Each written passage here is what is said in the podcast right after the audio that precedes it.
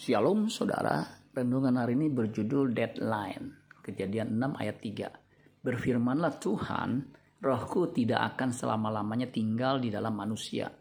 Karena manusia itu adalah daging, tetapi umurnya akan 120 tahun saja. Firman Allah yang hidup, kejadian 6 ayat 3 dikatakan begini. Lalu Yahweh Tuhan berfirman, Rohku tidak akan terus-menerus diam di dalam manusia, dan dipermalukan karena ia sama sekali jahat dan menuruti keinginan dagingnya semata-mata. Aku akan membatasi umur manusia sampai 120 tahun saja. Itulah kesempatan bagi mereka untuk memperbaiki hidup mereka. Sejak manusia jatuh dalam dosa, umur manusia terbatas. Manusia yang mencapai umur paling lama adalah Metusala. Kejadian 5 ayat 27 jadi Metusala mencapai umur 969 tahun, lalu ia mati. Akhirnya Allah menetapkan batas umur manusia 120 tahun.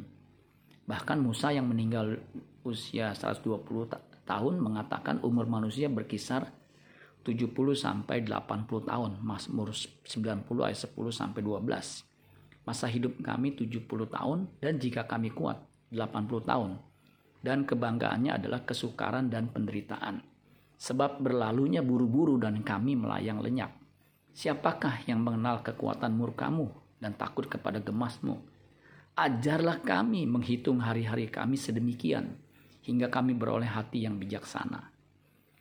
Orang yang bijak mengerti batas umurnya, sehingga ia mempersiapkan diri untuk hidup kekekalannya. Sedangkan orang bodoh tidak mempergunakan masa hidupnya untuk memperbaiki kelakuannya yang berdosa, penuh hawa nafsu, hingga ia tidak bisa memperbaiki dirinya. Ibrani 12 ayat 16 sampai 17. Janganlah ada orang yang menjadi cabul atau yang mempunyai nafsu yang rendah seperti Esau yang menjual hak kesulungannya untuk sepiring makanan. Sebab kamu tahu bahwa kemudian ketika ia hendak menerima berkat itu, ia ditolak sebab ia tidak beroleh kesempatan untuk memperbaiki kesalahannya, sekalipun ia mencarinya dengan mencucurkan air mata. Jadilah orang bijak, jangan jadi orang bodoh.